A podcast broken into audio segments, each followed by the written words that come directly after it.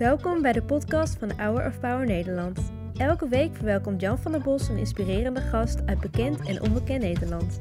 We luisteren hier wekelijks een nieuw interview.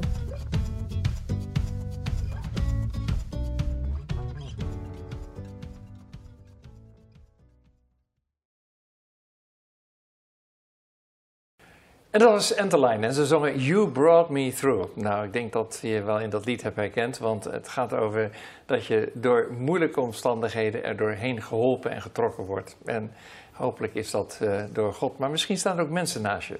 Nou, daarover ga ik praten met Hank Geers. Hank, uh, fijn dat je hier bent. Dankjewel. Jouw verhaal, als je zou beginnen te vertellen, zou je hier aan het eind van de week nog aan tafel zitten, denk ik. Denk het wel. Ja. Hank, wat was de meest dramatische gebeurtenis in je leven? De meest ingrijpende gebeurtenis is eigenlijk in 2014 gepasseerd op 31 augustus.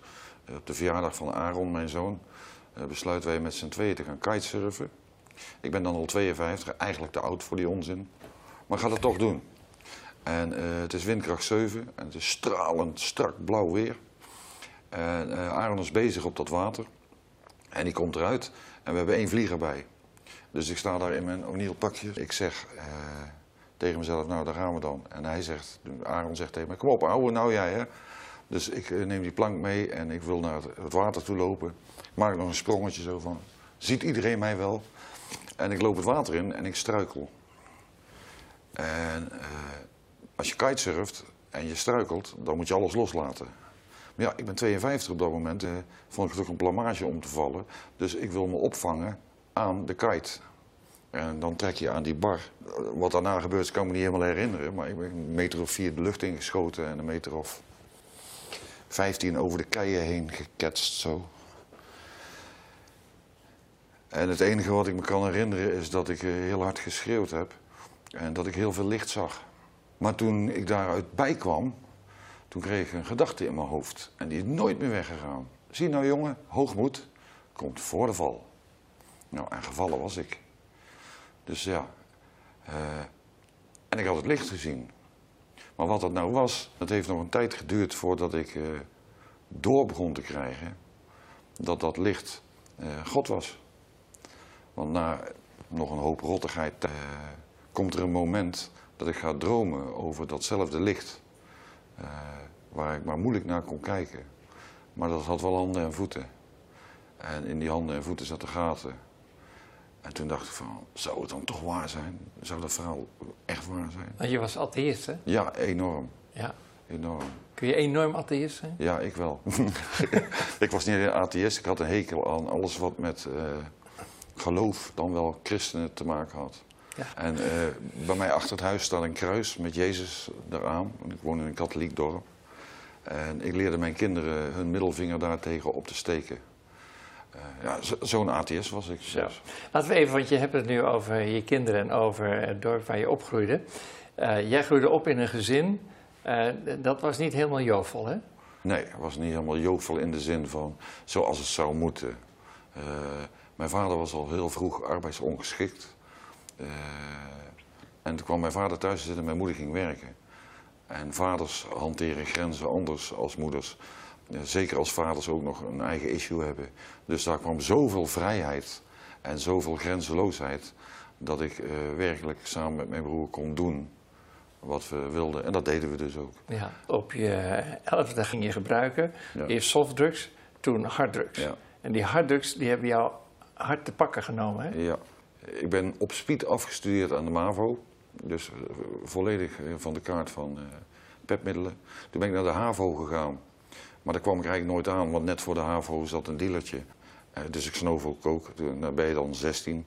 En uh, ergens daar in die periode wordt ook de heroïne geïntroduceerd. Uh, ja, en heroïne maakt je lichamelijk afhankelijk. Ja. Hoe afhankelijk was jij? ik moest ervoor stelen, ik moest ervoor dealen. Want ik wilde niet stelen, dat deed mijn broer. Maar ik, ik dacht dat ik slimmer was, dus ik reed naar Rotterdam of naar Amsterdam, ging een paar gram halen. En dat verkocht ik dan. En dat kon ik zelf gebruiken. Ja.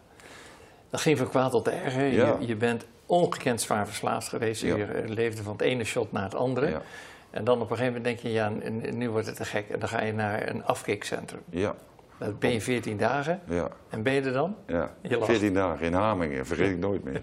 Eh, met- het is wel leuk om daarbij te vertellen. In Hamingen mochten we ook niet roken. Het is een antroposofische instelling, maar niet roken, geen seks, geen tv, geen kranten. Maar ik had nog een pakje check plat in mijn kontzak zitten, maar geen vloeitjes. En op die kamers lagen bijbels. En ik moest toch roken. Dus ik heb blaadjes uit de Bijbel gescheurd om te kunnen roken. Ja, ja. Maar na 14 dagen dacht ik van nou, ik ben het mannetje weer. Ja. Dus eh, geef mij maar 25 gulden. Eh, dan ga ik naar Meppel en dan pak ik de trein en dan ga ik naar huis. Eh, dat heb ik ook gedaan. Maar die 25 gulden heb ik geen kaartje van gekocht. Ik heb op het station Meppel heb ik nog een tientje van iemand af weten te troggelen met een zielig verhaal. Ik had een vuilniszak bij. En ik ben niet verder gekomen als Hoogkaterijnen. En daar kocht ik gelijk weer heroïne. En daar heb ik een tijd... Ik weet lang. maanden op Hoofdkaterijnen Ja, ik weet als niet meer hoe lang. dakloze. Ik weet niet meer hoe lang. Maar ik heb daar geslapen, gewoon eh, tussen de junken. Eh, en op een gegeven moment ben je daar je leven niet meer zeker. Ik lag daar te slapen en, eh, op een doos en wat spullen. En op een heroïne. Want daar waren je medejunken Ja. op uit. Ja. En toen werd ik s'morgens wakker en toen hadden ze me heroïne gejat. En toen was ik doodziek. Ik denk van, ik ga mijn vader bellen. Maar ik mocht niet naar huis komen. Dus toen belde ik nog een keer. Ik had ook geen geld voor de trein. Zei ik, pa, ik kom naar huis, maar ik ga echt doorpakken. En ik ben dan 23 of zo. Uiteindelijk heeft hij me een treinkaartje betaald. Ik ben naar huis gegaan. Ik heb nog een week thuis gezeten. Toen ben ik weer terug naar Arta gegaan. En heb daar 14 maanden in het programma gezeten. En eh, daar begint mijn tweede leven. Ja. Jouw tweede leven is een succesverhaal, want je brengt het ook nog met gevangenisdirecteur. Geworden uiteindelijk. Ja, Ja, Wat- wat een humor. Ja, eigenlijk zo ironisch als ik weet niet wat. Eh, want in, die afke- in dat afkikcentrum nam ik me voor... joh, ik wil alles hebben en alles genieten van wat de wereld te bieden heeft. Wat moet ik daarvoor doen? Ja. Eh, nou ja, dan ga je studeren. Eh, toen kwam ik in een verpleegstersflat terecht. Daar leerde ik mijn huidige vrouw kennen. Daar ben ik mee samen gaan wonen. Nog meer diploma's gehaald. En eigenlijk via de jeugdhulpverlening in een leidinggevende functie terechtgekomen. Toen bij de Raad voor de Kinderbescherming terechtgekomen. Toen bij de dienst justitiële inrichtingen terechtgekomen. En eh, uiteindelijk eh, gevangenisdirecteur geworden. En waar, daarna waar was dat? in Middelburg heb ik gezeten en eh, een tijdje in Vught. Ja. Behoorlijke instelling. Ja, behoorlijk grote instelling. Maar toen had je geen behoefte meer aan verdovende middelen. Nou was dat maar zo. Want die, die demon die blijft je dus gewoon achtervolgen. Ja. En als je de Bijbel zegt, als je je huis niet, niet goed eh, vult, wel schoonveegt, maar niet vult, ja, dan komen ze met z'n zevenen terug. Dus ja, eh, ergens in de jaren negentig heb ik een eigen bedrijf en, en een baan. En dat was mijn eerste terugval in, eh, in cocaïne. Want ja, dat kende ik en dat noemde ik mijn praatpoeder. Dus daar verkocht ik mee en daar deed ik mijn werk op. Nou, dan ga je eh, trainen voor justitie. En toen dacht ik van, nou, dit is een hele belangrijke klant, ik stop er gelijk mee. Eh, Dat redde ik ook, deed ik Ja. ook. Maar ja, dan ben je een paar jaar verder en je hebt zelf kinderen en het is eh, druk en je hebt een zware baan. En En dan ga je weer. ik had clusterhoofdpijn, heel Ja. erg heftig. Dat is een soort migraine, maar dan... Waar je gek van wordt. Hè? Ja, daar werd ik ook gek van. En ik hield mezelf voor dat cocaïne daartegen helpt, hielp. Dus ja, dat was een voor mij legitieme reden om het weer te gaan doen. Inmiddels, eh, dan heb je ook eh, je zoon Aaron. eh, dat is een jonge vent, maar die is ook verslaafd. Niet meer, maar was hij wel. Ja. Ja, Ja. dus vader mijn, en zoon. mijn dochter Kira eveneens. Tja, Ja. wat een verhaal zeg. Ja, Wat- als ik- op- wat ik mooi vind, je, je, je bent overtuigd dat hij is. ja. En op een gegeven moment komt het gesprek op de kerk. En loop je naar buiten en dan ga je eens aan je zoon vertellen dat eh, wat daar allemaal verteld wordt allemaal flauwekul is. Ja. Wat zei je tegen de zoon, ja. weet je het nog? Ik zei tegen mijn zoon, mijn zoon zat met een vriendje, Eddy, eh, bij mij in de huiskamer. En ik had dat ongeluk gehad. Mijn vrouw was weg. Eh, mijn dochter zat op een woonwagenkamp. Mijn oudste zoon die was bij een of andere vrouw. En Aaron die zat bij mij. En die zat mij eerst te vertellen dat zijn oor genezen was, zomaar, omdat hij gebeden had. En dat, hij, dat ik Jezus nodig had. Ik zei, nee, wij kijken naar de Godfather en daar zie je wat de religie doet. Eh, de grote baas van de maffia die infiltreert in het Vaticaan. Dat is wat je, waar jullie in geloven.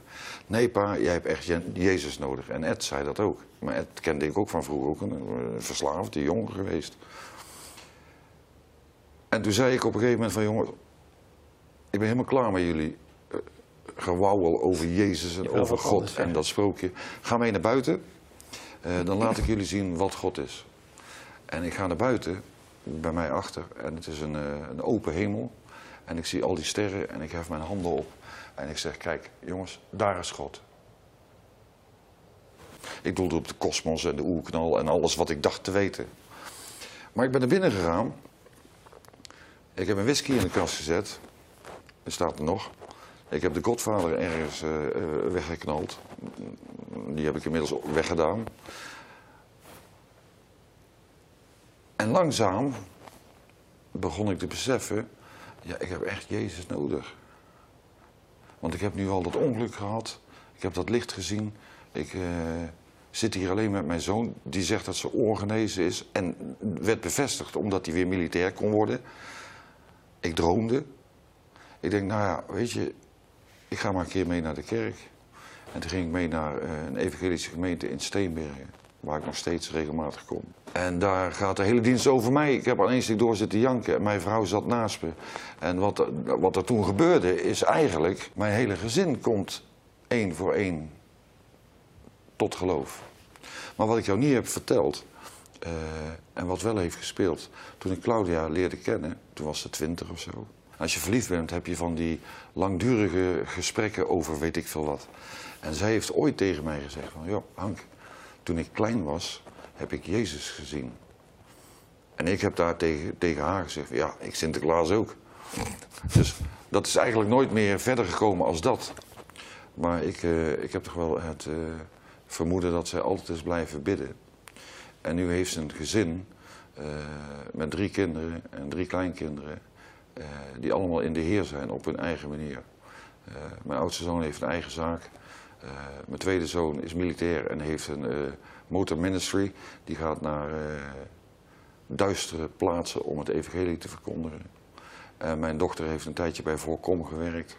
En is net als de vader helemaal into the Bible. En nu is de Bijbel jouw, ja, Deze Bijbel is vijf jaar oud, zes jaar oud. En eh, die gaat altijd met mij mee, ja, waar ik ook naartoe ga. het is je zwaard. Dat is mijn zwaard, dat is mijn Ja. wapen. Ja. Want in het, in het begin schiep God de hemel en de aarde. En de aarde was woest en leeg. En eh, duisternis lag over de aarde. En Gods geest zweefde over de wateren. En God zei, laat er licht zijn. Oh ja, En dat was licht, invuloefening. ja. Ja. Dus die Bijbel die heb ik een keer of zes doorgeakkerd. Wat is je lievelingstekst? Ik heb er eh, meerdere, maar eh Jezaja 55, 10 en 11. eh, dat is een tekst die ik heel erg vroeg in, een- in, in het lezen van de Bijbel. eh, dat is zo waar. Want er staat in mijn eigen woorden, zo zeker als de regen en de sneeuw naar beneden komen uit de hemel vallen en de aarde doorvochtigen en doen opkomen en zaad geven aan de zaaier en e- eh, eten aan de eter. Zo zeker is mijn woord wat uit mijn mond komt, dat dat niet vruchteloos tot mij terug zal keren. En eigenlijk is mij dat overkomen. Mooi man. Ja, mooi hè? Ja, Ja, is heel wat bijzonder. een, wat een bijzonder verhaal. Weet je, het mooiste vind ik dat God totaal kapotte, gebroken levens kan veranderen. Voordat ik tot geloof kwam, vond ik mezelf helemaal niet gebroken en kapot. Sterker nog, oh, ik was de king of the world. Eh, en God, die voerde een plan uit in mijn leven. En elke keer als ik maar weer denk, ik trim, klim dat trapje op, dan eh, haalt hij de trap weg. En dan ga ik weer op mijn snuffert. Ja. Want God wil mij hebben eh, afhankelijk van hem. Mijn laatste vraag is, hoe blijf je in het licht? Het licht van God. Dan moet ik aan eh 1 Thessalonicense 5, vers 5 denken. Wij zijn kinderen van de dag. Wij zijn niet kinderen van de nacht. Wij zijn kinderen van het licht en niet kinderen van de duisternis. Dus blijf in dat licht wandelen van God door je elke dag te bekeren van al die dingen die in je hoofd komen en in je vlees komen. Eh, dus elke keer als ik een begeerte heb waarvan ik denk, hmm, whatever it is, hè, het kan van alles zijn, het kan een nieuwe auto kopen. je bent het nog zo duidelijk. Dan kun je zien dat jij zo'n echte rouwdouwer bent geweest. Prachtig je verhaal. Ik wil je graag een eh, cadeautje Een meegeven. cadeautje. Ja, de verloren zoon, ja, Lucas 15, bent die ken je absoluut. Het beeld van God die zijn handen Ja. op onze schouders legt en zegt, ik ben er. Ja. Ik sla me als het ware, zoals die mantel, mijn vleugels om je heen. Ja, Ik eh, hoop dat je nog heel lang die, dat mooie nieuws mag doorgeven, Han. en eh dankjewel voor je Graag openhartige gedaan. levensverhaal. Graag gedaan. En eh, wij gaan terug naar Shepherd Grove. Bedankt voor het luisteren naar het interview van deze week. We hopen dat dit verhaal jou heeft bemoedigd. Wil je meer weten over Hour of Power of andere interviews bekijken? Ga dan naar www.hourofpower.nl